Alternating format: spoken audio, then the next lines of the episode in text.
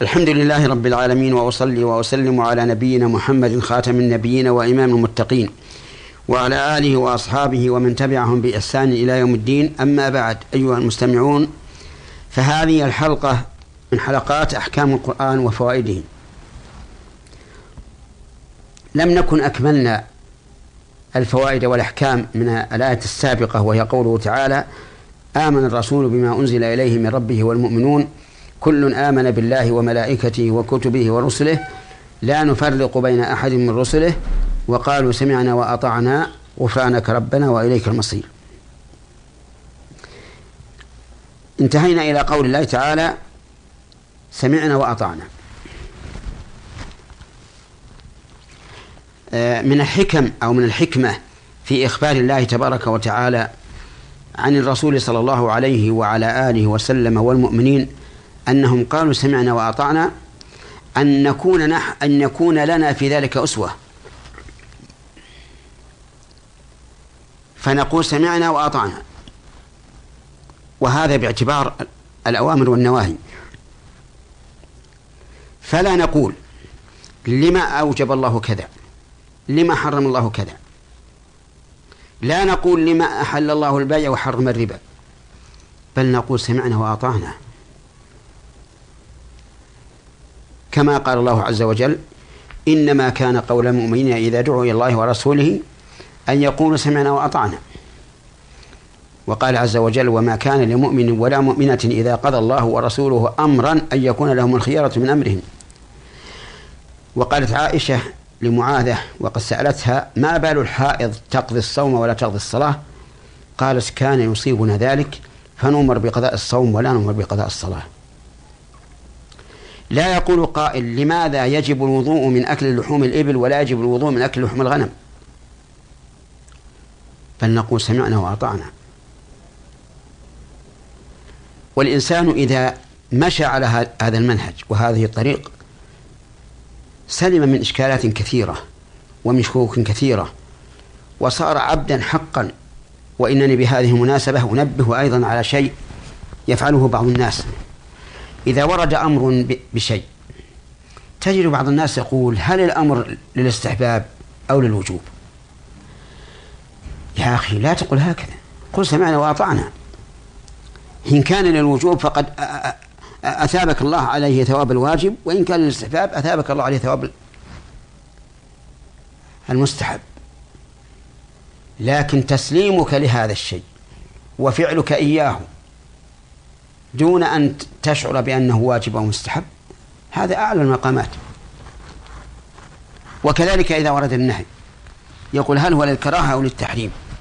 لا تسأل يا أخي. اترك. نهيت؟ اترك.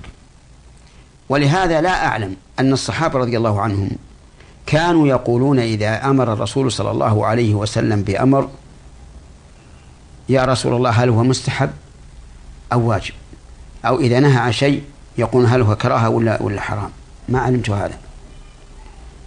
نعم إذا دار الأمر بين أن يكون هذا الأمر للمشورة أو للإرشاد أو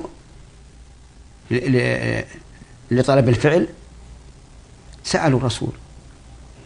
كما جاء ذلك في قصة بريرة وزوجها مغيث. كانت بريرة مولاة مملوكة. ثم عتقت. فخيرها النبي صلى الله عليه وعلى آله وسلم بين أن تبقى مع زوجها أو تفسخ نكاحها. فاختارت فسخ النكاح. فجعل زوجها يطلب منها أن تبقى معه ولكنها أصرت على المفارقة. حتى كان يلاحقها في أسواق المدينة يبكي. يريد أن ترجع ولكنها أبت. فطلب من النبي صلى الله عليه وعلى آله وسلم أن يشفع له إليها فشفع. وقال لها أرجعي أرجعي إلى مغيث. قالت يا رسول الله إن كنت تأمرني فسمعا وطاعة.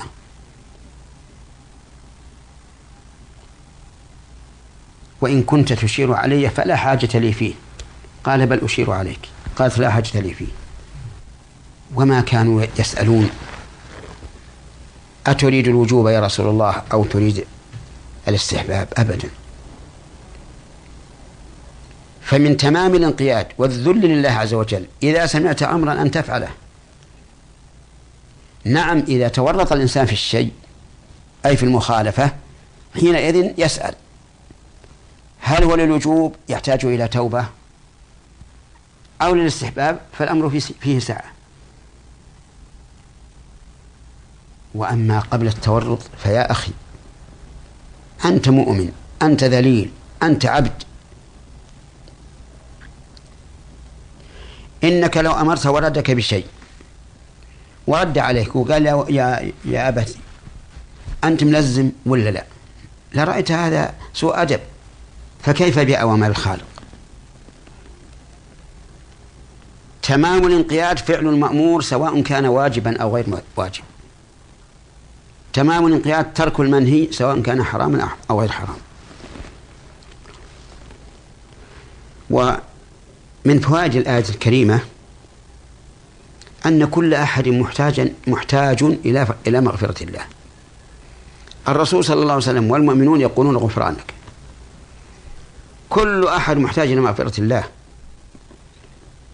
كان النبي صلى الله عليه وعلى آله وسلم لما أنزل عليه قول الله تعالى إذا جاء نصر الله والفتح ورأيت الناس يدخلون في دين الله أفواجا فسبح بحمد ربك واستغفره إنه كان توابا كان يكثر أن يقول في ركوعه وسجوده سبحانك اللهم ربنا وبحمدك اللهم اغفر لي.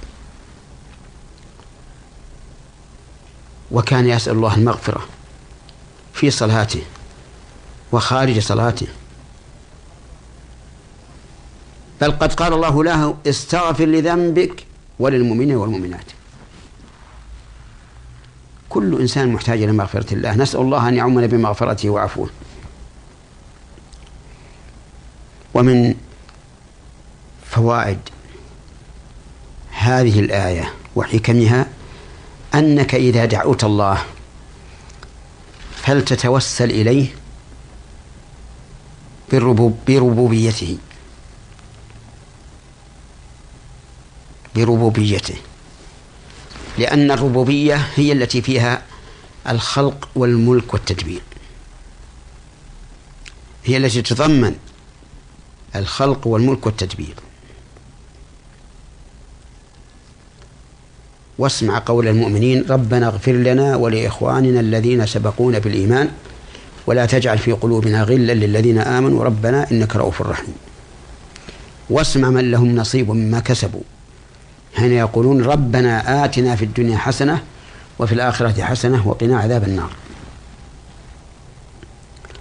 ومن فوائد الآية الكريمة وحكمها أن المصير إلى الله عز وجل وحده.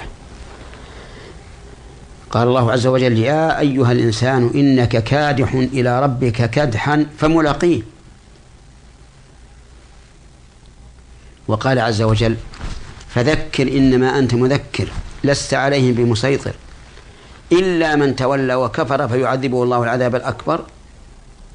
إن إلينا إيابهم ثم إن علينا حسابهم.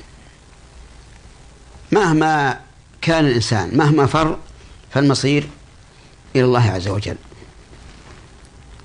أخبرنا الله بذلك لحكمة وهي أن نستعد لهذا المصير. وأن نعد له العدة.